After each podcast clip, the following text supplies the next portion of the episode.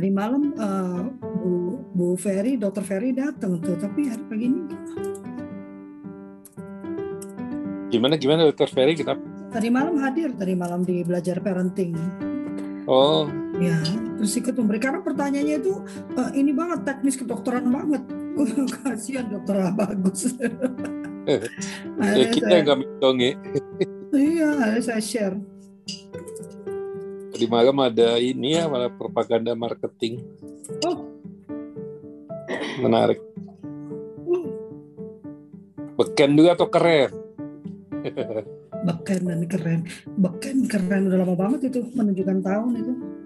Beken dan keren. Oke. Okay. Oke, okay, kita sudah live ya. Kita mulai ya. Sudah ada 15 partisipan pula ya. Uh, selamat pagi. Uh, hari yang mendung Rabu yang mendung, tapi seperti kata lagu kan mendung bukan berarti hujan. Dan mendung tidak selalu kelabu. Wah, panjang umur. Baru saya tadi bicara tentang Dr. Ferry, eh beliaunya masuk ke ruangan. Selamat bergabung Dr. Ferry. Pagi ini, ya pagi ini kita bertemu lagi dalam Kultur Parenting Pagi, edisi ke-35. Wah, sudah 35 edisi loh ini sudah seri yang ke-35 luar biasa ya. Uh, setiap pagi kita menyapa, nah, tidak setiap pagi, setiap hari Senin, Rabu, dan Jumat kami menyapa para keluarga dan calon keluarga berbicara tentang parenting ya. Uh, dan pagi ini kita ditemani oleh teman saya, mengakunya teman, para belum pernah bertemu saya dengan beliau ya. Teman pandemi. sahabat saya ya, hmm, sahabat Maya, lah sahabat Maya. Kak Thomas Kurniadi, nanti beliau akan memperkenalkan dirinya sendiri. Kak Thomas fotonya dengan satu anak, padahal dia ayah dari tiga anak. Ya. ya. Makanya dia sekarang pakai jambang dia biar kelihatan kalau dia tuh punya tiga anak kali ya. Karena wajahnya masih sangat imut ya. Ya, dan pagi ini ya seperti juga yang saya yakin kalau dia punya topik yang berbeda mungkin diletak dari belakang sama mertuanya nanti ya. Uh, dia juga tetap berbicara bahwa uh, dunia anak itu ya dunia bermain. Uh, selama, uh, kami juga punya belajar parenting kan untuk uh, guru PAUD dan AUD gitu kan. Uh, ini rupanya sebuah tema yang harus terus dicekokin gitu ya supaya menjadi rema. Jadi tertanam di belakang eh, di otak belakang kita itu bahwa dunia anak itu ya dunia bermain. Kalau itu sudah masuk dalam pikiran kita saya nggak akan lagi dapat pertanyaan jadi calistungnya gimana kalau nanti kan mesti ini kalau nanti kan mesti ya, ya kalau sudah namanya dunianya adalah dunia bermain nah nanti pertanyaan itu saya harap tidak muncul lagi gitu kan. Kalau selama masih muncul berarti kita masih melihat anak dengan dunia kita, bukan dunia anak. Silakan Kak Thomas, Lovely akan membagikan link. Selamat pagi semuanya. Uh, nama saya Thomas. Perkenalkan nama saya Thomas. Uh, saya ini ayah dari tiga orang anak. Anak saya yang pertama berusia tujuh tahun. Uh, tahun ini tujuh tahun nanti Juli. Namanya Kitama. Anak saya yang kedua perempuan berusia mau empat tahun namanya Tanawa. Dan anak yang saya yang ketiga laki-laki berusia tiga bulan namanya Nagala. Jadi eh, tiga anak ini punya arti yang berbeda-beda. Kitama sebenarnya bukan nama Jepang bukan diambil dari istilah Jepang tapi Kitama adalah singkatan dari laki-laki pertama. Lalu yang kedua Tanawa juga sedikit-sedikit ada kayak Jepang tapi juga itu bukan nama dari istilah Jepang. Tanawa adalah wanita anak kedua. Pada saat kita uh, saya istri saya hamil anak ketiga sempat bingung nih mau dikasih nama apa. Singkatannya udah habis nih akhirnya tem, apa ketemulah dari istri saya. Oh kita kasih nama Nagala. Nagala itu apa? Nagala adalah anak ketiga laki-laki jadi ceritanya sampai di situ dulu. Uh, apa namanya mereka punya mereka punya keunikan masing-masing ya. Kitama itu sangat senang perform apa pun itu. Jadi dia sangat senang presentasi dan perform.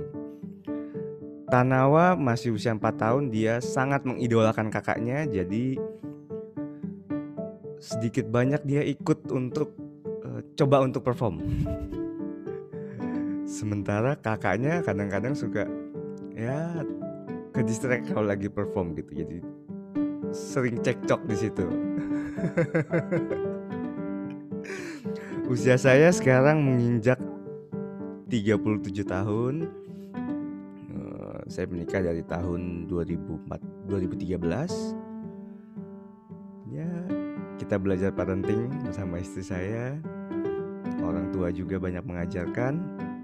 Sampai sekarang eh, keadaannya karena karena karena pandemi jadi kita mah masih eh, dia harusnya masuk SD pada saat itu dia harusnya masuk SD tapi karena usianya masuk usia yang muda lalu masuk eh, masa pandemi jadi kami memutuskan untuk eh, udah deh jangan kita nggak usah dia nggak usah masuk SD dulu gitu biar biar dia belajar di rumah toh kita nggak tahu sampai kapan.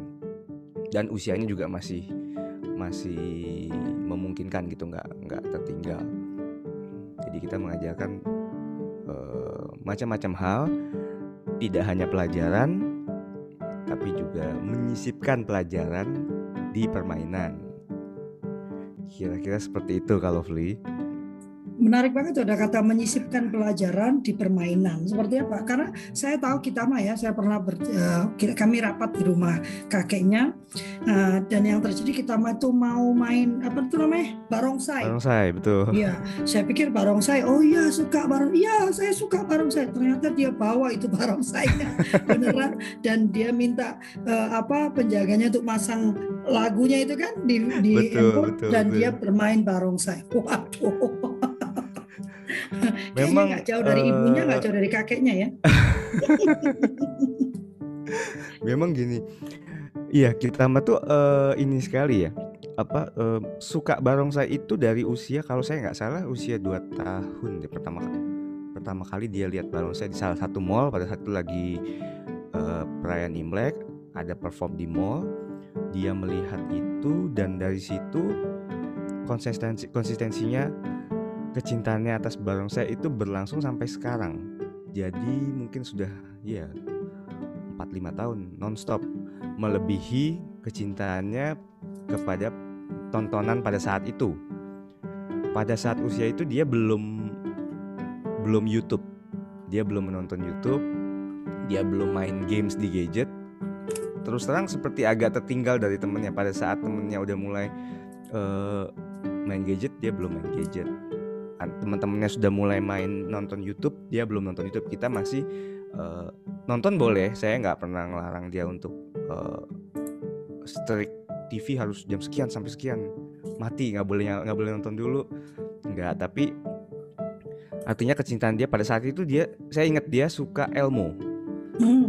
dia suka Elmo di Disney Channel tapi konsistensi dia terhadap barongsai itu melebihi dari Elmo, Barney, Elmo. sejenisnya. dan dan uh, mendalami banget sampai di usia 4 atau lima tahun itu dia sudah mulai buka YouTube, dia sudah mulai uh, nah, ini pinternya. Ini pinternya anak sekarang. Karena dia belum bisa baca dan dia belum bisa tulis. Jadi untuk browsing di YouTube itu agak kesulitan. Jadi kadang dia minta saya atau minta ibunya untuk tolong dong ketikin barongsai yang di mana gitu yang yang dia pernah nonton misalnya. Tolong dong ketikin ini. Beberapa lama setelah itu dia mulai tidak minta ketikin tapi dia pakai voice note. Ah, bukan hmm. voice note apa ya? Kalau di handphone Android itu bisa eh di YouTube itu kita bisa jadi misalnya kita pencet Elmo Disney TV misalnya kita tahu apa itu bisa dan dia melakukan itu untuk untuk untuk browsing di YouTube wow. sampai akhirnya jadi jadi saya pikir oh ini ini juga ya saya sempat khawatir juga kalau oh berarti karena kreativitasnya dia dia bisa merasa untuk oh saya nggak apa-apa nggak bisa baca saya nggak apa-apa nggak bisa nulis tapi saya tetap bisa dapetin apa yang saya mau gitu mm -hmm. akhirnya uh, kok dia bisa tahu sampai oh ini ada ada ada ada ada video di YouTube yang menceritakan tentang sejarah barongsai, menceritakan tentang teknik bermainnya seperti apa yang menurut saya cukup membosankan video itu karena kan video tutorial tidak semenarik video show-nya gitu kan. Hmm.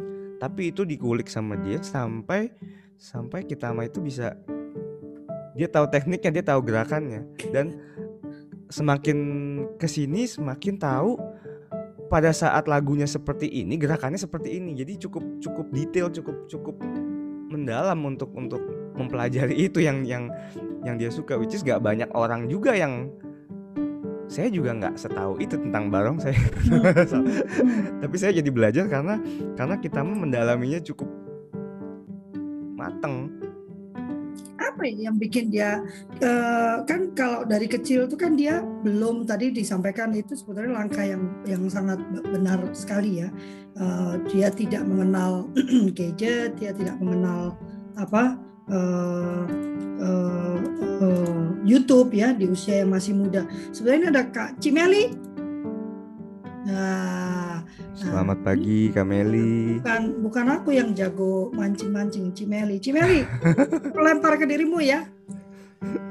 Lempar aku belum ngapa-ngapain nih. Selamat pagi. Ah, iya kamu mah nggak usah apa-apa juga langsung tune in saya dulu. mohon maaf ya Pak Thomas ya. Oh, Eh, Pak mohon Thomas. banget. Kak Thomas deh.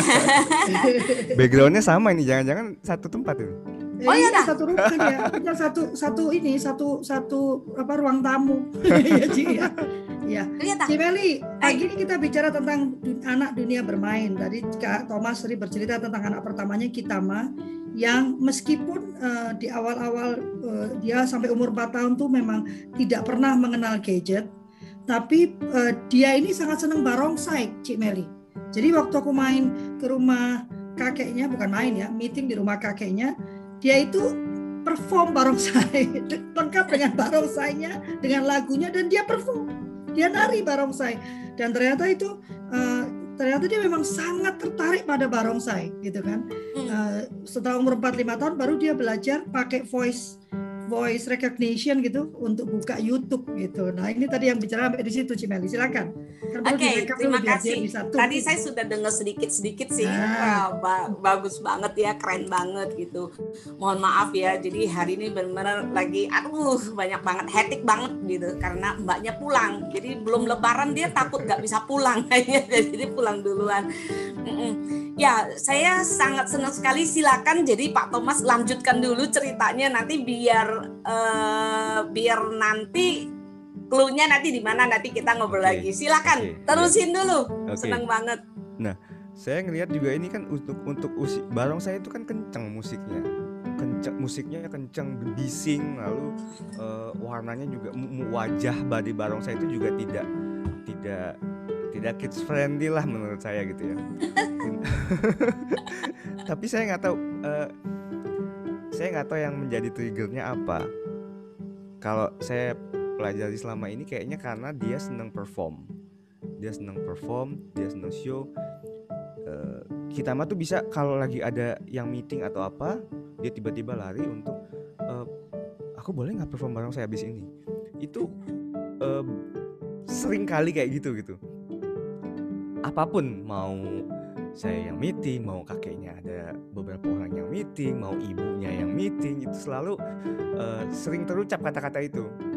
Dengan dengan dengan apa ya saya, saya memang dia kepengen perform aja dan saya melihat mungkin banyak orang yang nggak pernah tidak lazim lah dengan barang saya gitu kan. Nggak nggak semuanya eh, sering lihat tapi banyak yang kok lucu ya ini bisa bisa performnya kok milihnya barong saya gitu.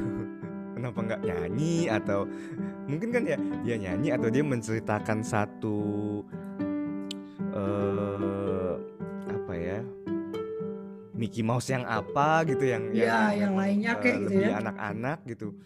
Tapi tidak ini selalu minyak ini. Dan kita sampai eh bisa dilihat di Instagram saya ada satu video yang saya buatin buat Kitama kemarin sebelum sebelum Imlek itu ya tentang kecintaan dia tentang barongsai. Kita punya lima barongsai kecil yang memang fitnya Kitama lalu beberapa macam barongsai yang untuk hand puppet lalu alat musiknya yang ukuran mini which is kalau dipukul juga memang keluar kenceng dan kita mah itu tenaganya luar biasa nonstop.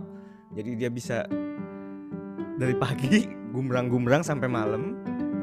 Lalu apa ya beberapa kali perform di sekolah dia pilih itu dibawa ke sekolah. Jadi teman-teman di rumah teman-teman di sekolah di kelasnya juga dulu waktu TK kan masih TK kindergarten 1 TKA TKB masih ini semua tahu kalau dia senangnya bareng saya gitu. Sampai sampai uh, menjadi uh, cap buat oh kalau kita mah tuh senangnya ya bareng saya gitu. Semua tahunya sampai ke situ. Uh, melekat kuat itu image itu. Kalau bicara ke adiknya adiknya ikut karena mengidolakan kakaknya.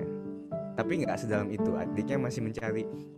Dan kita mah juga kita mah juga anak yang udah dulu dia sebelum dia bisa bicara dia bisa nada terlebih dahulu jadi misalnya waktu itu mau minta nonton Elmo atau Mickey dia suka misalnya Elmo kan dulu nadanya itu nana nana nana nana Elmo song nah itu dia bisa nana nana nana oh mau nonton Elmo ya kita put eh, kita puterin Elmo dulu seperti itu sebelum sebelum dia bisa bicara kalau adiknya masih uh, mencari apa ya yang benar-benar nggak ada yang jadi kalau dulu pada saat kita mau ulang tahun saya udah tahu oh ulang tahun pertama itu dia lagi seneng Miki oh pada saat kedua dia lagi seneng uh, ulang tahun kedua dia lagi seneng apa kita langsung udah jelas gitu. Nah kalau adiknya masih di usia tiga tahun masih belum belum sekuat itu apa yang disukai.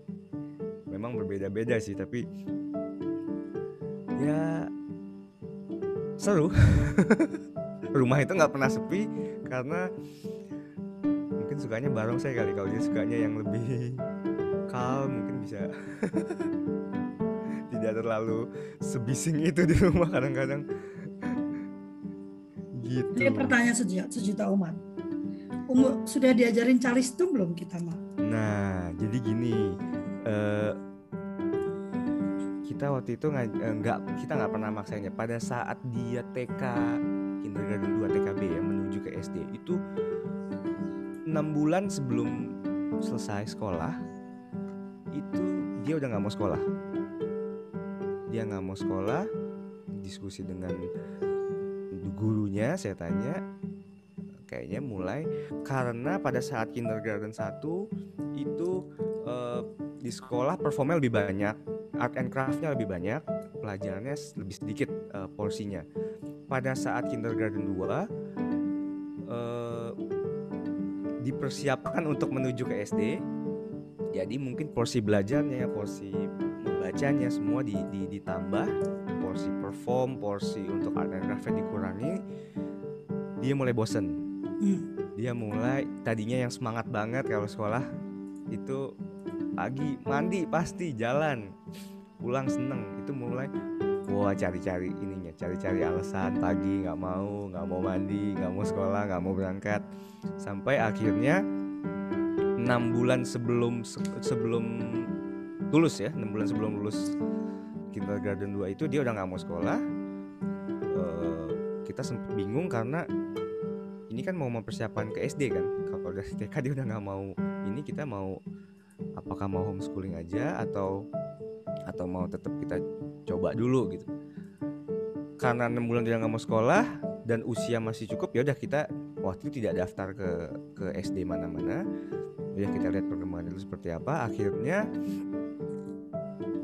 pandemi nggak lama setelah itu. Jadi dia visioner kayaknya dia tahu ke depannya akan terjadi sesuatu.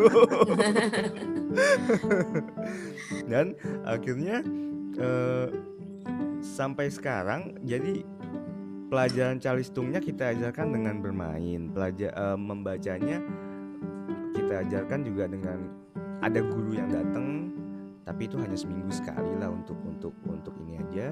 Ada uh, apa belajar ngaji ada belajar art and craft dengan ibunya kadang saya juga dengan kalau saya lebih ke uh, yang gerak tubuh lah lebih yang lompat-lompat lari. Kita hitung sambil lari kita hitung sambil lompat-lompat gitu. Lebih ke situ tapi saya nggak maksakan karena juga memang itu kan tidak menjadi SKL untuk eh, masuk SD sebenarnya kan. Tapi kalau saya lihat banyak yang menggunakan standar itu karena memang kursinya nggak cukup. Jadi kan mereka harus menseleksi kan. Jadi eh, wajar saja gitu kadang-kadang anaknya ada 10 kursinya cuma ada tiga yang untuk bisa masuk gitu ya. Mereka akan cari yang yang memang eh, apa menguntungkan lah. Bukan menguntungkan artinya mempermudah mereka mengajarkan di SD kan. Ini menarik sekali nih Kak Thomas nih ya. Eh, saya jadi gini, kan kita bicara tentang barongsai. Tadi kan eh, Mas Thomas bilang itu kan tidak kids friendly nih lihat dari wajahnya gitu ya, gitu Iya, ya. iya, iya. Ini kan eh, padahal ya, padahal kalau barongsai itu kalau di budayanya orang Chinese itu ya, orang Tionghoa itu, Iya. itu luar biasa sekali. Jadi barongsai sebenarnya tidak bisa dimain setiap saat sebenarnya gitu. betul Jadi betul eh, eh, jadi dia tuh ada masa itu dicap gome dia keluar, betul keluar. Jadi dia itu dianggap itu untuk pengusir pengusir Oh. setan di dalam Iya, rumah iya. gitu gitu kan. Iya, Yang iya, roh halusnya mau jadi diusir karena kenapa dia berisik kayak gitu gitu. betul Nah, ini ini eh, ini menarik sekali ya. Ini menarik sekali gitu bahwa eh, apa ya anaknya Mas eh, maksudnya gini yang yang yang buat saya eh, tertegun itu adalah gini maksudnya ketika tahu anak senang barongsai gitu pernah nggak sih gitu Mas Thomas tuh maksudnya mengalihkan aduh lu nggak usah lah kayak gini gitu. Tadi kan bilang yang tidak kids friendly itu gitu ya nggak ada rasa khawatir kan kita sebagai seorang ayah gitu? Kalau khawatir sih enggak, khawatir saya enggak. Maksudnya saya gini, eh, enggak apa-apa kalau memang dia kita support selalu. Makanya itu sampai ada beberapa barongsai kecil di rumah. saya rasa tinggal barongsai besar yang ukuran dewasa yang belum ada di rumah nih. Berarti dia udah boleh masuk nih ke dalam perkumpulan tuh, cari Betul, perkumpulan-perkumpulan.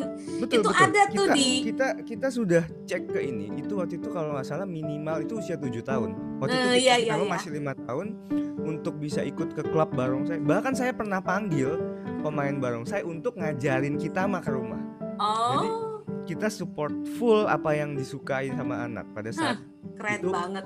eh, hanya nonton di mall kan. Pada Iya, saat iya. Imlek nonton di mall. Nanti udah mulai tahun udah mulai tahun berikutnya dia mulai tanya nih Imleknya kapan? Imleknya kapan? Udah mulai nanya udah mendekati itu oke nonton lagi. Itu bisa kalau eh, barongsai itu perform dua kali kita bisa manteng di mall loh untuk nungguin dua kali nonton Iya, iya, iya, iya. sampai segitunya Nanti mesti bawa ke Singkawang ya. Nah, itu juga kemarin sempat jadi ini cuman katanya agak susah ya, harus booking dari jauh-jauh hari ya. Iya, harus jauh-jauh di sana, hari. Betul. Heeh. Jadi memang kita support support banget. Saya sempat manggil guru ke rumah, guru barongsai untuk ngajarin musiknya. Hmm. Karena saya pikir oke, eh, saya kepengen, saya nggak bisa main musik, saya nggak bisa main musik, eh, saya nggak bisa main alat musik. Saya pengen banget kita mah bisa main alat musik, apa pun itu, ataupun bisa nyanyi. Menurut saya keren banget kalau dia laki-laki, terus dia bisa nyanyi dan sambil main alat musik itu, wow gitu. Saya nggak bisa soalnya. Hmm.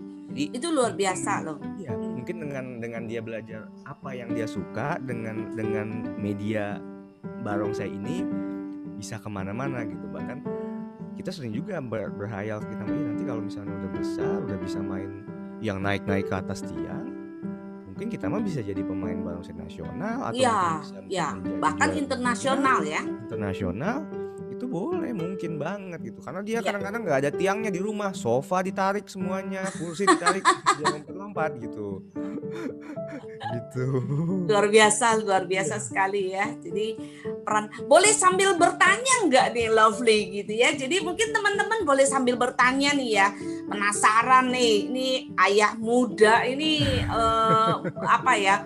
Tidak memikirkan terlalu jauh tentang wah apa sih hubungan barongsai dengan masa depan anak gitu kan orang pada oh takut mungkin ya. kalau boleh cerita sedikit ya Iya. saya dulu saya waktu dari tahun 94 sampai tahun 2000 94 sampai tahun 2000 kalau nggak salah itu saya atlet sepatu roda which is olahraga itu eh, tidak banyak yang tahu. Dulu saya kalau tanya eh, atlet apa sepatu roda? Saya agak malu waktu itu karena agak minder. Karena gini sepatu roda emang sepatu roda ada olahraganya gitu loh. Orang nggak nggak ini. Pada saat itu pada saat saya main itu kejuaraan tertinggi nasional itu selain kejurnas adalah pon tapi kita masih eksibisi waktu itu sepatu roda softball dan tarung derajat itu eks- eksibisi. Saya nggak tahu sekarang eh, saya nggak tahu yang lainnya. Tapi sepatu roda sekarang sudah masuk di eh, Asian Games kemarin itu kita dipertandingkan. Nah jadi saya mengalami masa-masa di mana eh, sekolah kalau kita ngomongin ya sekolah saya ya udah yang penting saya bukan yang eh, baik di nilai akademis gitu. Hmm. Waktu dulu masih pakai cawu. Kalau satu bulan. cawu satu merahnya banyak. Cawu dua lebih sedikit. Cawu tiga lolos naik kita ke kelas berikutnya gitu. Tapi eh, ada prestasi di non akademis yang pada saat saya lakukan dan sayangnya pada saat itu belum ada homeschooling. Hanya ada sayangnya belum ada gini hanya ada sekolah atlet pada saat itu di Ragunan karena eh, saya yakin sekali pada saat itu kalau memang ada homeschooling saya pasti masuk dan orang tua saya pasti mengizinkan itu gitu Oke, Ini silakan. memang Nah, ini ada si Gwen nih. Lama nggak ketemu Gwen nih. Ini hebat sekali nih Gwen. Selalu dia bisa belajar sambil ngasuh anak. Ini keren banget. Ayo silakan. Mungkin ada teman-teman yang mau bertanya eh, sama Mas Thomas gitu ya, gitu. Silakan, boleh tanya. Nih Gwen nih kesempatan nih Gwen. Ini yang muncul hari ini bapaknya loh Kak Gen, bukan bukan ibunya. Bapak siapa? Bapaknya Gwen. Enggak, maksudnya kan bukan Kak Thomas kan biasanya kan yang datang kan mama mamanya bercerita tentang anaknya. Hari ini ayah bercerita tentang anaknya. Ya, kita ber- ber- berharap sih ya eh, apa ya? Panggil Kak Thomas ya. Ya. Oke. boleh. kita berharap kalau Kak Thomas tuh ikut eh, apa ya kita campaign ya karena gini eh, kalau kami ini ibu-ibu tuh suka ngerasain gitu ya bahwa parenting itu sebenarnya akan lebih jalan gitu kalau peran ayahnya ada gitu nah eh, saya sama Lovely sama Kak Yanti kita ini saya punya kekhawatiran yang sangat luar biasa sekali ya kadang kita nih misalnya di sini nih hadir berapa 35 orang nih kita hadir 35 orang tuh udah senangnya setengah mati gitu gitu. Udah kebayang nggak sih penduduk Indonesia gitu ya? Ada ada berapa 70 70 keluarga 70 juta keluarga kayak gitu. Tapi betapa susahnya gitu kami me- me- mengajak orang tua itu untuk untuk belajar gitu tentang parenting gitu. Nah ke- mungkin karena gini kayak Lovely ya orang-orang tuh suka pikir kalau belajar itu gua harus duduk termenung mendengarkan ini apa mesti ada ada ada teksnya segala macem gitu. Mungkin ini yang buat orang-orang itu jadi jadi apa ya jadi takut gitu kalau bilang belajar ya. Nah ini mungkin ada yang salah nih. Nah sekarang kita harapannya kepada Kak Thomas nih. Bikin anak-anak kita itu belajar itu dengan gembira seperti yang selalu didengungkan oleh Kak Seto ya. Gitu belajar tuh mesti sambil bernyanyi gitu ya Nah, ini luar biasa sekali. Ayo siapa ada yang mau bertanya? Silakan. Selamat pagi. Siapa nih ada Bu Ira, ada Bu Nah, ini kan ya. sama seperti yang kau sampaikan kan kalau tiap eh, eh, karena yang namanya kita mau belajar parenting jadi teman-teman tuh cenderung terdiam dan menanti menunggu ada ilmu yang mau diterima sementara kalau model baru itu eh, kita harus interaktif kalau nggak interaktif ilmu itu cuma lewat aja saya mau nyapa Yes. satu temanku nih kak kak Cimeli ya, Ya. yang ini sudah ke 35 saya undang dia tiap hari dia baru muncul karena ada kak Thomas kak Budi. Kak Budi Mana Kak masih ada Budi? apa sudah ter- terlempar dia? Oh dia terlempar Kak Thomas, itu perlu dicubit nanti Kak Thomas ya. Eh Kak Budi, saya baru ngomong Kak Budi udah pergi. Tadi ada Kak Budi tadi, saya muncul dia dari Kak Budi muncul sebentar. Eh, dia biasanya susah sekali dia datang, tiba-tiba dia muncul. Nah, baru mau saya baru mau saya ini, mau saya apa? Mau saya sindir. Nah, Ya. saya saya kemarin tuh ada ngobrol sama Pak Albert. Ayo Pak Albert. Pak Albert lagi ngomong gini loh, lucu. Pak Albert bilang gini, dia lagi remedial. Nah, ayo remedial maksudnya apa sih? Gue penasaran nih.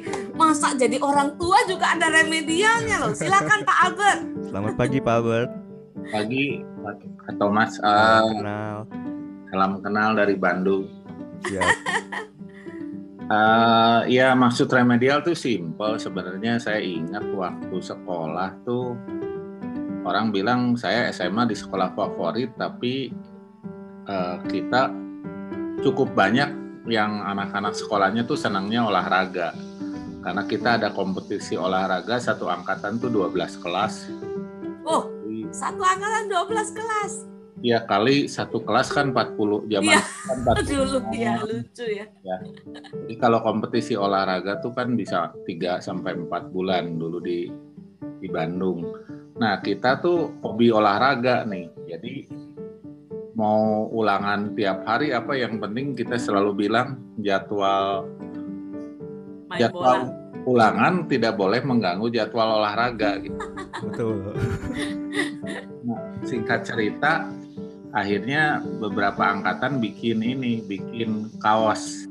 Kaos kelas kalau dulu. Tapi ini mah kaos. Namanya tim inti remedial. Jadi kita tuh karena saking kan dulu sekolah kami kan eh, mas sekolah yang dari zaman Belanda.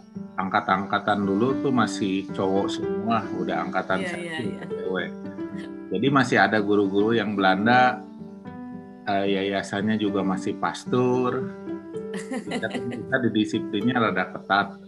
nah, kita sering kali kalau kelas ribut, kalau di sekolah lain mungkin ya paling gurunya ngambek. Kalau di kita beberapa guru kalau kelas ribut langsung ya keluarkan kertas, langsung ulangan. Dia nggak Iya. mau tahu, pokoknya mah nilai jadi jelek aja kita bingung ya. Nah, lalu saya eh, tahun ini memasuki fase kedua ABG. Umurnya sama ternyata ya. Jadi saya berpikir eh, bagaimana me- apa bukan memobilisir nanti ya saya buka kamera dulu. bagaimana eh, mengajak orang ya ya udah eh, orang tua tuh untuk kita berpikir ulang mengenai kan anak-anak saya kebetulan remaja 20, 18 sama 14. Bukan kebetulan disengaja sih karena saya sengaja punya anak. Jadi 20, 18, 14 saya ada beberapa masalah terutama masalah komunikasi dengan anak saya karena dulunya saya mengabaikan waktu saya bermain, waktu saya berkomunikasi selagi mereka kecil. Tiga-tiganya pria lagi kan. Nah, akhirnya saya berpikir kenapa saya nggak berpikir saya tuh lagi remedial dengan anak saya. Jadi di situ saya mulai dari 2-3 tahun yang lalu mulai pendekatan lagi. Awalnya kan nggak nggak asik gitu ngomong. Pokoknya urusan papahnya tuh urusan kalau minta duit aja.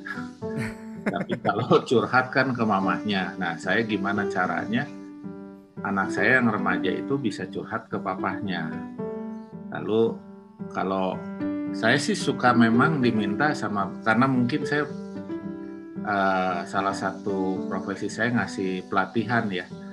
Saya pernah beberapa kali sekolah minta saya ajar atau sharing tentang parenting. Selalu saya bilang saya bukan orang tua yang ideal untuk mengajar parenting, tapi saya termasuk bagian orang tua yang remedial bukan ideal. Tujuannya sih sederhana Kak Meli. Tujuannya saya mengajak banyak orang tua yang mau lebih muda, lebih tua dari saya ya nggak usah malu bahwa kita lagi remedial untuk belajar lagi jadi orang tua. Kalau Mas Is bilang ya kita tahulah kita tuh HP-nya jadul, anak-anak smartphone kan. Nah, ya adaptasinya karena saya berpikir pelatihan saya selalu bilang ya hidup itu salah satunya selain pilihan hidup itu adalah adaptasi di usia berapapun tetap pilihannya untuk eh, kan kita bisa beradaptasi atau kita agak ekstrimnya provokasi atau mau punah ya. Kan dinosaurus punah itu bukan karena tidak kuat tapi karena tidak mampu adaptasi. Nah saya berpikir ya kalau namanya adaptasi di segala zaman segala usia ya kita harus ber- belajar terus ya. Dan belajar Setuju itu banget. yang tadi Kameli bilang banyak orang berpikir belajar tuh serius belajar tuh mendengarkan tapi justru saya lebih senang kalau belajar tuh dengan diskusi. Teori sih tinggal baca ya bukan nggak boleh ada teori. Seperti yang saya menarik nih yang di sharing Kak Thomas iya ya nggak kepikir juga anak saya. Saya senang olahraga tapi anak saya kayaknya tiga-tiganya kurang senang olahraga. Paling itu Oke. aja sih Ya, terima kasih banyak. Nih Pak Albert, hari ini saya kasihin satu ide ya buat Pak Albert ya, bikin namanya remedial parenting. Wah, keren tuh. ya, eh, terima kasih banyak ya Pak Albert. Jadi seperti itu Kak Thomas. Jadi karena Kak Thomas itu juga masih muda ya, masih muda. Jadi eh, bantulah, bantulah generasi-generasi yang muda itu untuk jangan belajar, maksudnya jangan mengalami kesalahan seperti yang saya eh, seperti yang dialami oleh Pak Albert dan mungkin juga teman-teman yang lain gitu ya. Jadi di sini itu sangat luar biasa sekali. Saya ingat banget dulu Pak Pak Dibio itu pernah ngomong kayak gini loh. Dia eh, sama Pak Irwan juga sama gitu. Jadi karena pikirin tugas tugas tugas tugas kerja kerja kerja kerja gitu ya. Begitu sampai di rumah anaknya panggil apa kabar om? Gitu. Nah ini yang ini yang ini yang menurut saya sekarang tuh harusnya tidak boleh terjadi dengan perkembangan teknologi sekarang ini gitu ya. Artinya kita bisa sangat sangat eh, apa ya membangun ya komunikasi dua arah itu dengan anak apalagi dengan dengan teknologi yang bagus ini.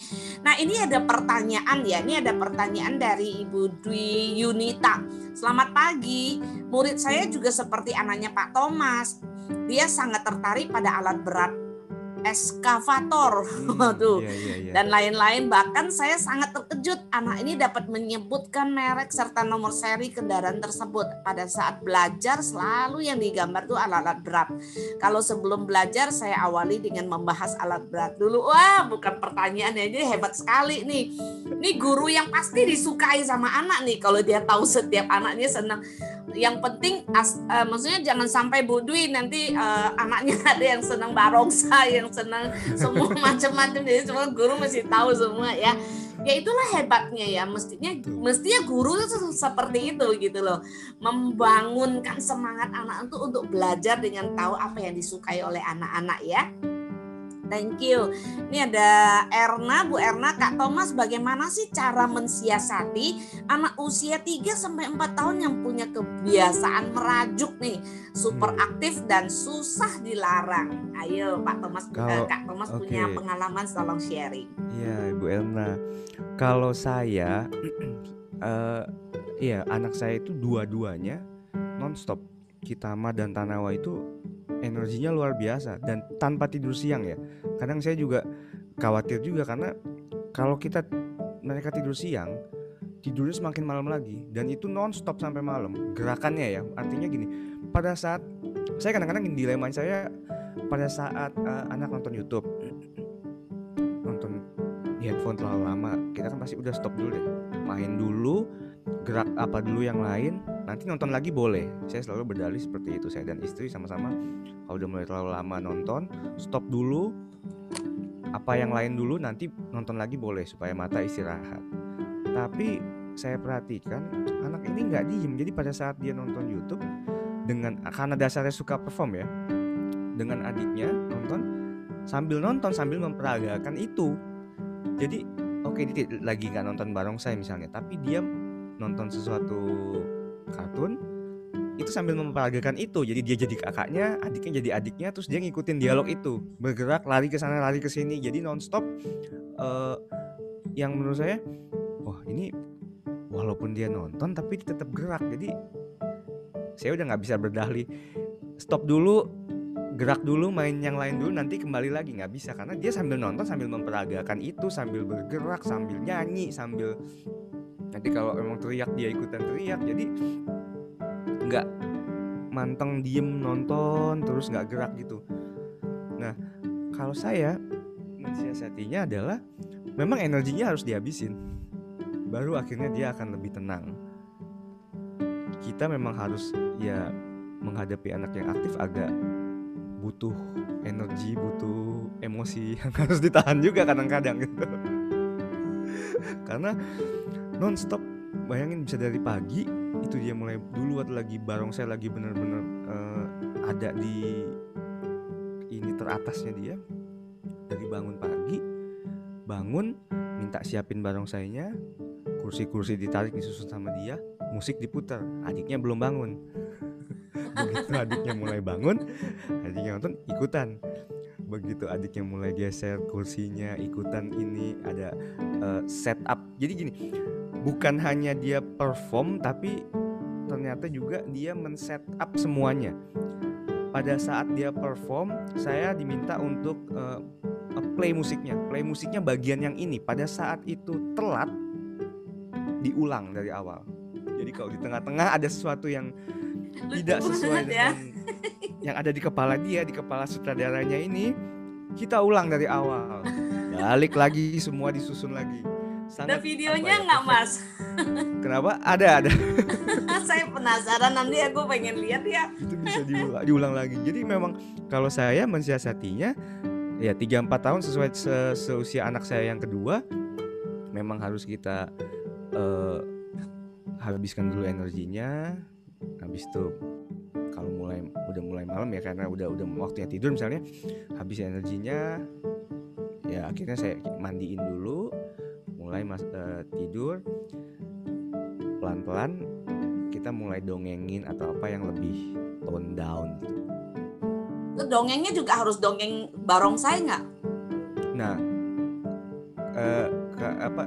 Saya tuh kadang-kadang suka malas untuk membacain buku karena uh, saya posisi lampu dimatikan terus kita bacain buku uh, kadang kita harus nyalain lagi lampu yang lebih kecil gitu. tapi uh, saya lebih suka menceritakan langsung aja gitu. Oh, okay. jadi kadang-kadang saya suka bikin cerita kalau ya tetap hubungan dengan barang saya supaya dia mau dengerin itu akhirnya gini misalnya hari ini kita jalan-jalan ke kebun binatang. Hmm nanti malam pada saat mau tidur saya suka cerita. Ayo mau denger cerita nggak? Cerita apa? Barong saya jalan-jalan ke kebun binatang. Jadi saya ulang cerita tadi kita ke kebun binatang ketemu ini ketemu jadi saya selalu bikin ya. oh barong saya jalan-jalan ke kebun, ke kebun binatang. Tadi pas dateng jalan ke kandang singa. Dia lihat ada singanya ada dua. Lagi makan lalu jalan lagi sebentar ketemu kandang gajah. Tapi medianya barong saya tapi yang saya ceritakan apa yang tadi kita lakukan sebenarnya gitu. Oke. Okay. Luar biasa. Ya mungkin saya tambahin sedikit ya untuk pertanyaannya Bu Erna ya. Bu, Bu, Bu Erna itu kan bicara tentang anak-anak kebiasaan merajuk ya. Sebenarnya anak-anak itu sangat cerdas sekali ketika dia meminta sesuatu, dia merajuk dan dia dapat, nah kebiasaan itu akan diulang-ulang terus gitu. Karena dia tahu itu jadi senjata. Ya, jadi sebenarnya orang tua itu sendiri juga yang harus tahu gitu ya. Ketika tidak ya kita katakan tidak, tetapi sertakan alasannya why gitu. Jadi biar anak itu tidak tidak merasa bahwa oh dengan merajuk dia bisa selalu dapatkan sesuatu. Ini sangat penting banget untuk dilakukan oleh orang tua ya. Terus ini ada tambahan dari Pak Albert nih ngomong bahwa orang tua tuh selalu berharap ya sering banget orang tua tuh berharap gitu bahwa anak balita itu tidak aktif. Nah ini yang juga saya uh, saya begini orang tua misalnya sering banget tuh ngerasa bahwa dulu ya dulu kira mama nggak kayak gitu sekarang kenapa punya anak kayak gitu gitu ya Dulu mamanya tuh mungkin makan ayam tuh seminggu bisa sekali. Kalau ini anak tiap hari kasih makan ayam. Setiap hari dikasih makan gizi, apa ya makanan-makanan yang sangat bergizi gitu ya apalagi kalau di dalam kandungan dikasih omega dikasih ini gitu ya. Akhirnya anaknya itu kan punya kecerdasan yang lebih gitu. Itu kan sebenarnya orang tua yang bikin anaknya seperti itu. Belum lagi nih dikasih makanan yang over ya dikasih yang karbohidrat. Anaknya belum makan tuh disuapin terus gitu ya. Over karbohidrat yang membuat energinya berlebih. Kalau anak itu tidak gerak maka anak itu kemungkinan bisa kena gula loh. gitu dan ini sekarang banyak sekali anak kecil yang kena gula ya. Jadi penyakit gula. Saya pikir uh, apa ya kalau misalnya orang tua nggak mau terlalu anaknya terlalu banyak gerak dikontrol gitu loh makanannya gitu ya gizinya yang seimbang kepada si anak gitu. Ini penting juga gitu ya supaya uh, saya berharap ya orang tua itu tidak mudah gitu mencap gitu kalau anaknya tuh hiperaktif gitu. Hiperaktif itu harus harus uh, betul betul betul harus konsul dengan ahli gizi dengan dokter anak gitu ya baru boleh kita katakan anak itu hiper atau tidak gitu. Oke, okay, thank you. Siapa lagi nih? Kita masih punya waktu berapa lama? Wah, tinggal 9 menit lagi. Ayo, mungkin Kak Thomas mau cerita lagi apa nih? Tadi ini menarik nih kalau Kak Thomas misalnya nih kan tadi kau cerita berhubungan dengan barongsai baru dia mau denger gitu ya. Pernah nggak sih lagi bercerita tapi nggak ada barongsainya? Pernah sih, pernah juga. Nah, gimana? Juga. Ya Ketertarikannya ya, seperti apa? Nah, ini lagi. Uh, anak saya itu sensitif. Jadi gini, jangankan lagi dongeng. Pagi kita bangun, uh, misalnya saya ada spare waktu untuk nemenin main apa pagi dulu sebentar itu sangat ini. Dia sadar kalau hat, uh, otak kita nggak di situ. Dia tinggalin. Jadi pada saat saya pagi ajak bermain lalu sebenarnya pikiran saya nggak situ ya mungkin saya ada tanggung jawab yang belum selesai atau ada yang harus saya kerjakan. Waktunya mepet kan mulai nggak di situ nih otaknya otaknya udah mulai aduh keburu nggak nih lihat jam. Oke okay, 10 menit lagi main. Oke abis itu ini aduh otaknya mulai situ. Walaupun dia main gak lama dia tinggalin. Dia akan cari entah ibunya entah uh, orang rumah. Jadi uh, pertama saya nggak sadar perasaan saya udah main bener kenapa ya? Kenapa dia terus di kamar sama saya setengah main terus tiba-tiba dia keluar nyari yang lain gitu loh ternyata oh kayaknya dia sadar kalau pikiran kita nggak di situ. Luar biasa pada ya. saat itu terus oh, oke okay, berarti kita harus all out gitu karena ya dia mau perform aja dia all out banget padahal itu.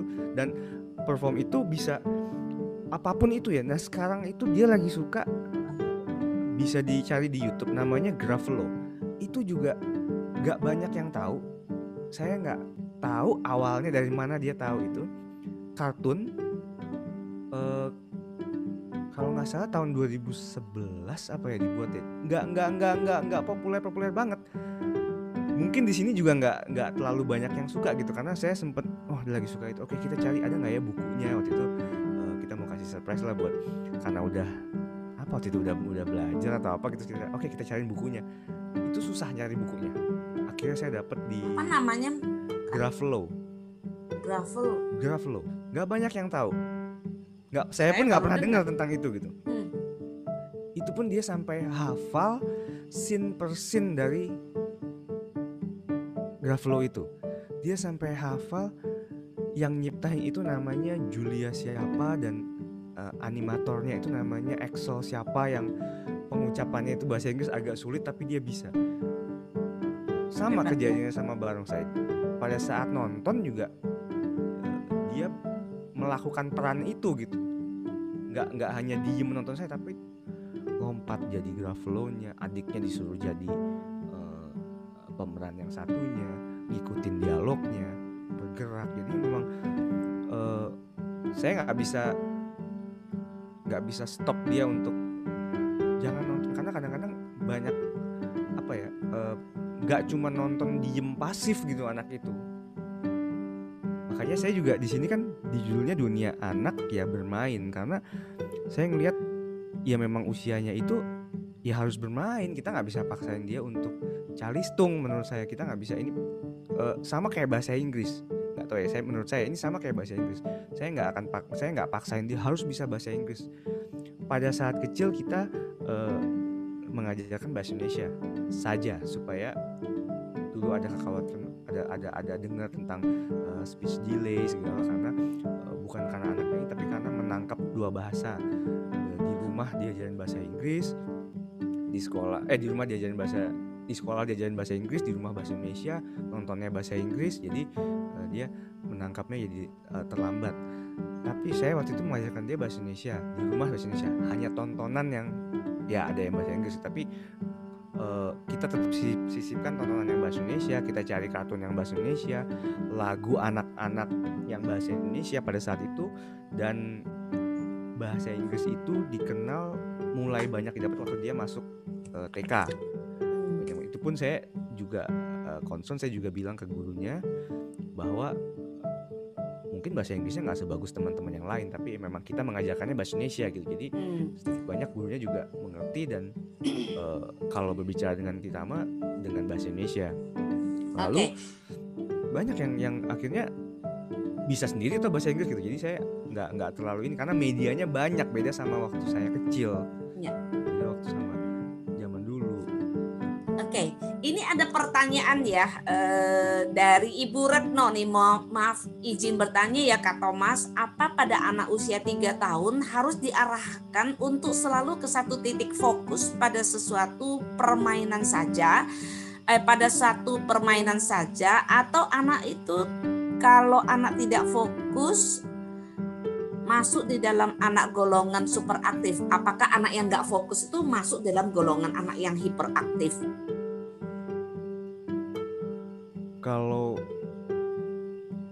nggak sebenarnya nggak harus di satu permainan saja sih kalau menurut saya. Ini karena ya, saya juga mencoba banyak macam permainan berbagai macam kegiatan ke kita mah.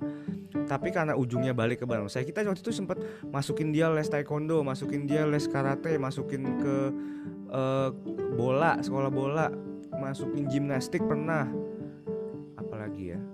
Tapi at the end balik ke situ lagi balik ke situ lagi. Akhirnya ya kita juga support apa yang jadi pilihannya gitu minimum dia udah mencoba ya dia mencoba, dia mencoba dan betul. dan dan bisa lihat ketertarikannya apa ini sebenarnya pertanyaannya Bu Wulan juga nyambung sih gitu bagaimana sih caranya agar anak itu tidak tergantung pada suatu hal yang ia minati berlebihan uh, sehingga tidak berminat sama sekali terhadap yang lain gitu. Nah mungkin seperti eh, yang terjadi pada kita mak nih karena dia iya. senang yeah. banget sama sama barongsai sehingga nggak tertarik lagi sama yang lain gitu. Uh, masih tertarik tapi dia tidak jadi gini pada saat waktu itu apa ya kalau nggak salah buat bola sepak bola saya masukin dia ke klub sepak bola bertahan sekian bulan habis itu mulai bosan. Masukin ke panggil guru pencak silat waktu itu. Saya panggil pencak silat panggil pencak silat uh, sekian waktu terus dia bosan. Jadi memang apa ya mungkin karena dia lebih tertariknya ke situ aja kali dia. Ya biarkan aja ya maksudnya biarkan, biarkan aja dia jalan ya. Iya. jalan aja. Okay. musik juga gitu saya pernah waktu itu uh, ibunya yang kursus drum karena anak uh, kita mau waktu itu belum bisa belum bisa kursus musik karena selalu kecil. Jadi ibunya yang kursus dia ikut supaya dengar irama musik, ketukan. Keren ya. ya luar biasa nih ini. Aduh, saya membayangkan betapa bahagianya jadi kita mak ya. Jadi uh, ayah dan ibu itu satu kata itu yang paling penting. Itu sangat sangat membantu ya. Oke, ini sebagai penutup ya, sebagai penutup dari Gwen nih. Akhirnya Gwen ketik juga gitu ya. Setuju benar uh, banget sama Kak Thomas walaupun rasanya kalau kita tuh mesti concern all out sambil main sama anak kerja itu banyak waktu terbuang tapi kurasa itu investasi kebahagiaan buat anak. Kalau aku pribadi kelihatan banget pas anak bobo siang gitu ya main all out bobonya senyum tuh loh gitu. Kalau pas setengah-setengah ajak mainnya dia bobo wajahnya juga sedih. Wah ini ibu lagi. Ini ibu yang hebat sekali. Jadi jadi dia lihat dari wajah anaknya waktu tidur ya. Kalau tidurnya dia lagi sedih, yeah, yeah. sedih artinya dia jadi sebagai alat ukur buat Queen ya. Ini keren banget ya Queen. Oke, sebagai eh, terakhir nih Kak Thomas ingin sampaikan apa sih gitu buat ini ada ada banyak ini ada generasi yang kakek-kakek ada nenek-nenek ya ada om tante ya ada juga yang kalangan muda gitu. Apa sih yang ingin uh, Kak Thomas sampaikan kepada kami-kami gitu ya supaya kan tentunya nanti uh, generasi kita mah inilah generasi yang akan mengisi bonus demografi Indonesia ya gitu. Jadi ini harus menjadi perhatian kita bersama. Apa yang ingin disampaikan? Silakan. Jadi uh, simple aja kalau misalkan saya untuk anak yang masih untuk uh, para orang tua yang masih punya anak mungkin balita atau baru melewati masa balita dan anaknya aktif seperti anak saya jaga emosinya. Karena memang anak yang aktif itu luar biasa. Kadang-kadang kita udah uh, di rumah tuh udah riuh banget karena ada yang nangis ada yang teriak ada yang lompat-lompat. Uh, ya mereka memang pada waktunya pada masanya untuk bermain. Mungkin ada satu cara sedikit uh, ya dengan permainan sulap atau gimana seperti misalnya saya punya ini. Ini kan kosong banyak benih papa bisa ini rubah? Kita kocok. Dia keluar dan berubah menjadi sebuah warna. Ini warna apa merah? Dengan ini dengan cara seperti ini. Ini gampang caranya bikinnya. Air air diisi dengan apa nih botol beling yang ya biasa kita beli kopi atau apa deh ininya kita buka tutupnya. Tetesin pewarna makanan di sini. Lalu kita tutup. Kasih ke anaknya. Coba ini dikocok. Nanti keluarnya warna apa? Gitu dia kocok keluarnya warna Oh merah, oke. Mungkin dengan cara seperti itu atau misalnya kita siapa yang pakai baju merah? Oh di sini ada warna merah, kita ambil warna merah dari sini, terus kita lempar ke sana, pung hilang. Tangkap lagi balik ke sini, balik lagi. Itu bisa menenangkan dulu sementara, me, me, mengambil at, at, atensinya mereka, menenangkan baru kita ngomong pelan-pelan atau kita ajak untuk ke apa yang berikutnya kita. Kira-kira seperti itu. Oke, intinya orang tua mesti kreatif ya. Betul. Ya betul. Dulu waktu anak saya nggak mau makan ya, nggak mau makan, jadi saya Iya. tulisin memo kecil ya, saya tulisin memo. eh, terima eh, mama bangga sama kamu. Itu sih tidak dibaca, tapi yang dibaca apa? Teka-teki silangnya, eh teka-tekinya gitu ya. Oke. saya iya, tulisin teka-tekinya. Saya dulu kan nggak bisa, eh, belum ada internet yang kayak gini sekarang ya. iya. Iya, Jadi iya, saya iya, beli buku di Gramedia khusus teka-teki. Saya tulisin apa itu perang dingin. Perang dingin adalah perang antar penjual es gitu. Akhirnya setiap hari dia nungguin teka-teki saya. Dan Oke. temennya tadinya pokoknya kalau jam makan nih jam makan istirahat temennya ngumpul hari ini ada apa lagi teka-tekinya gitu.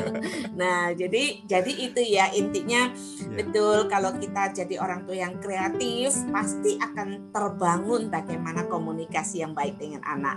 Oke, terima kasih sekali lagi eh, Kak Thomas ya. Kasih, Nah, ini juru kuncinya yang harus menutup. Silakan Kak Lovely.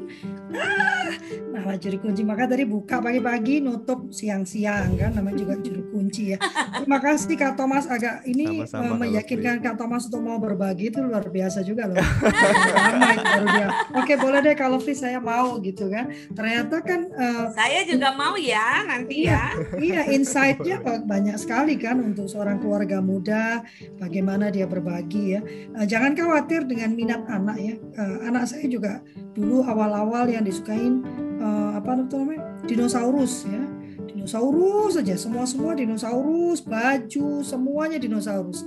Dan dia sangat hafal tuh nama latinnya, eh, Betul, betul. hidup di dunia mana, eh, bagaimana makannya, seberapa besar, dimensinya seperti apa, pokoknya itulah ya.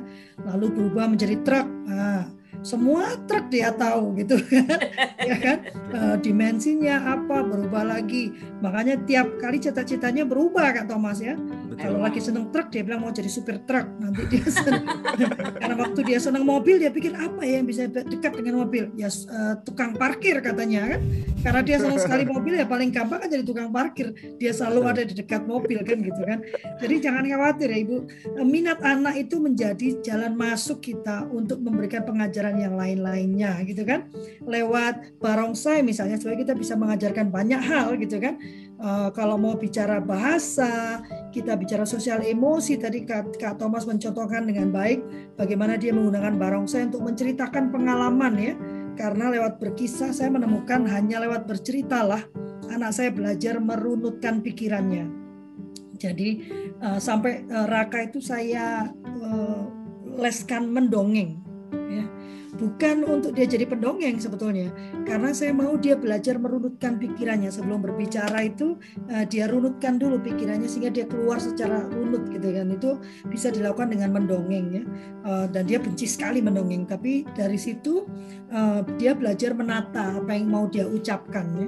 Jadi tidak perlu oh berarti harus belajar menata pikiran gitu kan. Kalau kita kan gitu kan bagaimana men meningkatkan konsentrasi gitu ya meningkatkan konsentrasi ya dengan pelak, uh, dengan mainan yang dia sukai dia duduk dia menyelesaikan itu berarti berkonsentrasi gitu. Jadi lewat permainan yang dia sukai yang dia gemari yang tidak memberikan stres kita mengajarkan uh, apa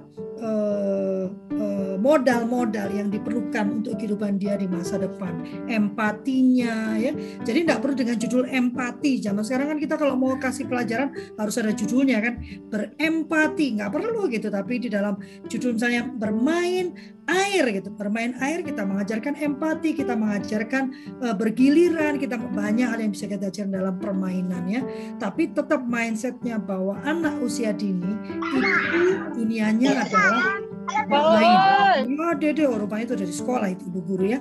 Ya terima kasih banyak uh, uh, Cimeli yang tadi terburu-buru untuk segera bisa menemani Lovely karena uh, Teh Yanti masih uh, konsentrasi dengan suaminya. Iya sampai nggak ngeblow rambut loh. sampai belum pakai lipstick dia. Iya nggak sempat pakai lipstick saking betul-betul. Iya, Ini saya lagi masih... lagi belajar banyak tentang golongan darah segala macam. Katanya mau kirim aku mana? Eh, eh nanti saya kirimin pembicaranya loh, kok kirimin oh. aku? Tadi kemarin katanya, Lovely ntar aku ini Lovely gitu, nggak masuk masuk. Oh lo mau masuk link ya? Katanya kan kemarin aku mau dimasukin link. Ya, oh, mau ya? Kita akan segera, uh, Pak Albert, ada ya Kak Albert ya? Pak Albert masih ada di situ nggak? Masih dong. Saya ya, mau foto, nembak foto. ya saya mau nembak kan Kak Cimeli aku mau bikin acara untuk khusus para, para pria kan kemarin kadang ya, ya. dulu kan ya, yes. ya tapi nggak mungkin acara para pria yang muncul lovely kan jadi saya mau nembak Pak Albert ya Pak Albert nanti ditemani Kak uh, Anil Anil Dawang lalu saya sudah mendapatkan oke okay dari Pak Irwan uh, ya lalu Pak saya Bagus sudah oke okay dari Pak Pak ini Pak Dibio Pak Dibio Pak Dibio ada nggak sih ada dong tapi Ada, dia belum iya. Nah, Pak Dibio, nanti Pak Dibio ini ya pegang acara untuk para pria ya. Iya, iya. Sip. Eh, tapi pasti gersang. Yes.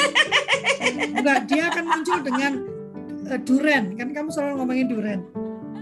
Jangan sampai duren tuh udah keren loh. ya, nanti akan ada acara baru untuk para pria. Pak Albert, mana Pak Albert? Pak Albert belum bilang iya loh. Ya. Orang masih muda gini bilang Ush, Pak Abed oke okay ya, saya tembak ya. Ya. Saya todong. Nanti uh, apa uh, topik akan uh, uh, Kak Yuliana sediakan. Nanti saya akan bentuk grup. Nanti tolong di di apa di uh, di di apa ya? Bukan dikritisi, diberi masukan atas topik yang akan dibuatkan oleh Kak Yuliana. Uh, fungsinya tetap laki-laki uh, juga. Tadi kalau Kak Albert bilang remedial, mungkin nanti Kak Albert juga boleh memberikan masukan judulnya apa yang laki-laki gitu kan, biar banyak laki-laki yang mau bergabung. Lovely akan uh, memfasilitasi Zoom dan YouTube nanti uh, acaranya akan dilakukan oleh para lelaki. Dari lelaki untuk lelaki. nontonnya dari YouTube perempuannya dari YouTube. Iya kan kayak operator kan laki-lakinya cuma boleh nonton di YouTube. Kalau ini sekarang perempuan cuma boleh nonton di YouTube. Kecuali Lovely ada di dalam Zoom. Karena kalau nggak aku di mana? Siapa yang buka Zoom nanti? Eh tapi Lovely, saran aku nih ya, hmm. jangan yang tua-tua aja. Kak Thomas ikutan, Kak Thomas. Soalnya gini, Ayo. nanti nggak nanti nggak nyambung kalau ngomong yang tua-tua terus. iya. Kak Thomas ini masalahnya sangat sibuk menemani ini ayah. ada yang ada yang tepuk iya. jidat tuh, tutup muka. Tapi Kak Thomas saya tertarik sebetulnya kalau Kak Thomas tertarik uh, berminat juga gitu kan nanti menemani Pak Dipio, Pak Albert karena beliau-beliau ini pasti nggak bisa setiap kali kan jadi harus bergantian ya. Boleh, nanti boleh, topik boleh. akan uh, kami sediakan uh, nanti boleh. bergantian menarik para pria. Tapi kita tolong karena uh, koneksi prianya Lovely itu terbatas ya cuman seribu nomor saya punya kan. Nah, kalau nanti Cuy, seribu itu kalau 50 bisa hadir itu udah iya, booming iya, makanya, Tapi kan kalau nanti Pak Thomas Kak Thomas Thomas menyabarkan ke para lelaki Pak apa Pak Albert ya kan lalu Pak Dibio Pak Kai apalagi Pak Irwan kan Pak Ya, Irwan Pak nyebar, Irwan kalau udah perintah Iya. satu juta tuh. iya, Pak Irwan yang nyebar pakai acara siap gitu kan. Ah. Gak ada yang berani nolak itu Gak ada yang berani nolak tuh. Iya, berani nolak nanti baru berbalik dia kan. Akan segera kita mulai ya. Kok Nah, nangis? Enggak lah. Jangan-jangan judulnya saatnya pria bicara gitu atau gimana? Yang ada mereka curhat. Udah kayak Ternyata selama ini yang paling menderita itu laki-laki. Tidak semua laki-laki. ah, baru saya mau kasih. Kan? itu, tidak Ah, semua ih, laki Kita berhasil. Kalau di tentara itu kalau laki-lakinya bintang satu, istrinya bintang dua. Ah, cuma di Tunduk tentara ya itu. Pak ya. Kayaknya Iya, semua deh. suaminya tunduk. Wah, ya. tenang sekali. Oke, nanti akan Lofi akan segera eh, eh, kalau sudah bersedia, Lofi akan segera buatkan eh, tim eh, WhatsApp grupnya eh, untuk eh, bicara tentang topik dulu dan segera kita airkan ya. Terima kasih Kak Albert ditembak langsung mau gitu kan. Padahal saya juga baru kenal berapa minggu ini langsung saya ya tapi tembak. saya setuju banget Iya. sama sama eh, apa tadi pernyataan dari Kak Albert itu tadi ya bahwa kita jadi orang tua mesti berani mengakui mengakui kesalahan dan kita mau memperbaiki itu akan indah banget gitu. Ah, nanti saya undang-undang ngobrol juga ya, Kak Thomas ya, karena saya juga Boleh, punya boleh. IG Live, saya Boleh. juga ada di Prativi, jadi kita sambung menyambung ya sama Pak Albert juga. Iya. Oke. Tapi yang belum pernah diundang tuh Kak Lovely loh padahal dia semua Eh, orang diundang udah. Doang itu. Lovely biasa cuma ya. Ayo, ini dia nih satu ini. biasa dia cuma serem dia. Saking Udah kalau aku sayang banget juga. sama dia. Oke, oke. Oke, ketemu kita lagi besok hari Jumat. Hari Jumat kita ketemu Kak Nining ya. Kak Nining jadi ya Cimeli. Eh, Oh, Nining, oke. Ya, dia akan bicara tentang well-being and education. Menarik ya. Yap. Uh, hari Jumat pagi. Hari Kamis akan ada perempuan berkisah. Nah, ayo laki-laki terbakar dong. Saya udah punya dua hari untuk perempuan doang. Jadi ada perempuan berkisah Cimeli jam 9 sampai jam setengah 11 di mana nanti Kak Dini yang akan bercerita bagaimana perjuangannya uh, menerima kondisi barunya. Ya, beliau itu uh, apa lupus survivor ya. Jadi beliau penderita lupus dan saya menyaksikan sendiri perubahan Kak Dini dari yang menyesali, menyalahkan Tuhan, eh, marah pada kondisinya, lalu menerima dan sekarang bahkan menjadi berkat ya Kak Dini. Kalau saya ada teman perempuan lupus yang baru mengalami lupusnya, itu saya arahkan ke Kak Dini untuk ditemani di tahap-tahap awalnya. Dan saat ini Kak Dini juga sedang menemani putrinya yang kemungkinan terdeteksi lupus juga. Jadi ini luar biasa perempuan satu ini ya. Kita akan mendengarkan besok hari Kamis ya. Eh, sampai ketemu ya, sampai ketemu lagi eh, dan eh, kayaknya sudah beberapa mulai persiapan puasa ya. Jadi selamat mempersiapkan bulan Ramadan untuk teman-teman muslim. Eh, selamat ber eh, berpuasa. Nanti beberapa acara saya buat menjadi sore karena malam saya tidak mau mengganggu acara tarawih dan segala macamnya. Eh, Bu Retno, Pak Kak Eba, eh, Kak Dwi, Pak Irwan, eh, Kak Dokter Ferry, Dokter Ferry itu saya tunggu kapan eh, siapnya ya, karena perlu juga berbicara dengan para perempuan tentang kesehatan. Perempuan itu kadang-kadang tidak peduli pada kesehatannya sendiri, bukan kadang-kadang ya sering kali. Eh, Mbak Bu Un, eh, Kak Wiwin, ayo buka cam dulu, kita mau foto karena pasti harus difoto kalau dengan Cik Meliku tercinta ini. Ya dong. Wah, Dokter Ferry sudah siap dengan ini peralatan perangnya dia. Kak Eba, Kak Eba sudah sampai di rumah sakit. Kak Eba ini eh, apa COVID survivor. Oh. Luar biasa. Eh, Kak Retno, Bu Retno, Hai Kak Bulan, makin cantik aja kau. Hai Bu Yunita, lama sekali nggak pernah muncul Bu Yunita. Lagi on the way ke pasar. Oh, dia memang tukang masak luar biasa. Kapan kata aku mau disuruh datang untuk makan? iya, dia masakannya enak banget, Ci. Hmm. Si Asik. apa Untari nih. Katanya temennya Pak Albert ya? Ya, kenal. Oh, Di Bandung ya? Ya. iya. Itu Ci, eh, Ci Yanti, Ci Yanti itu di Bandung loh. Iya. Saya sampai bingung antara Ci sama Teh. Saya juga di Bandung kok. Oh iya, Pak Irwan dia Bandung juga, Pak Irwan. Aduh, kita jadi pengen ke Bandung loh. Ayo. Harusnya hari Minggu aku nemenin si Babang ke Bandung, ternyata aku pelayanan. Jadi Tuhan nomor satu katanya kan. Ayo, satu. Eh, Kareto, baru di foto udah hilang foto gambarnya. Jangan dihilangin dulu. Bu Ferry, eh, eh, Dokter Ih. Ferry berubah menjadi kursi. Iya, serem amat. Dokter Ferry tiba-tiba menjadi kursi. Satu, Bisa, dua, tiga. Satu. Kakek, gak sabar amat sih. Tunggu dulu yang lainnya belum siap. Kakeknya udah ganteng, yang lainnya masih jelek. Kak Wulan, ayo. Si, kak, Pak si kakek kakek ngapain pakai itu minta minta bonekanya ya? Satu, dua. Selama Tiga. boneka belum diberikan, Oke. pasang terus. Selama boneka belum diberikan, ini belum selesai. Ini ini ya berdua ini ya bener-bener ya Nih lihat deh. saling saling menagih antara durian dan boneka. Ya, durian belum datang, boneka nggak datang. Loh, Abis dokter lovely. muncul. Ayo difoto dulu. Abis Lovely dia bohongin aku, katanya dia punya kebun durian Pak Irwan. Sampai hari ini belum pernah tahu, belum pernah rasain. No picture ho apa no no proof No- hoax katanya. Ya, no hoax. Oke, terima kasih Oke, banyak. terima Kita kasih bertemu semua. lagi besok untuk kaum perempuan ada perempuan berkisah lalu hari Jumat ketemu lagi dengan kultur parenting pagi jam 7 pagi perempuan berkisah jam 9 ya karena katanya Makasih. perempuan jam 7 masih Oke. repot. terima Kak kasih Kak Kak Albert Thomas. nanti mau lagi. minta itu ya, Salam kita buat ngobrol ya. Oke, makasih. salam buat Kak Bandung Seto with love. Salam buat Kak Seto, bilang Iya. dari Meli Kyong. iya Siap. jadi kasih salam buat semuanya. kita mah ya harusnya tadi Siap. muncul dia wah dia mah udah udah kalah dia kalau Kak Seto Nanti yang muncul dia lebih lagi saya menarik ajak. daripada dari Kak Ya nanti ajak suruh pertan suruh kasih lihat barongsainya juga. Oke. Yeay. ya terima kasih Terima kasih semuanya. Terima kasih. Selamat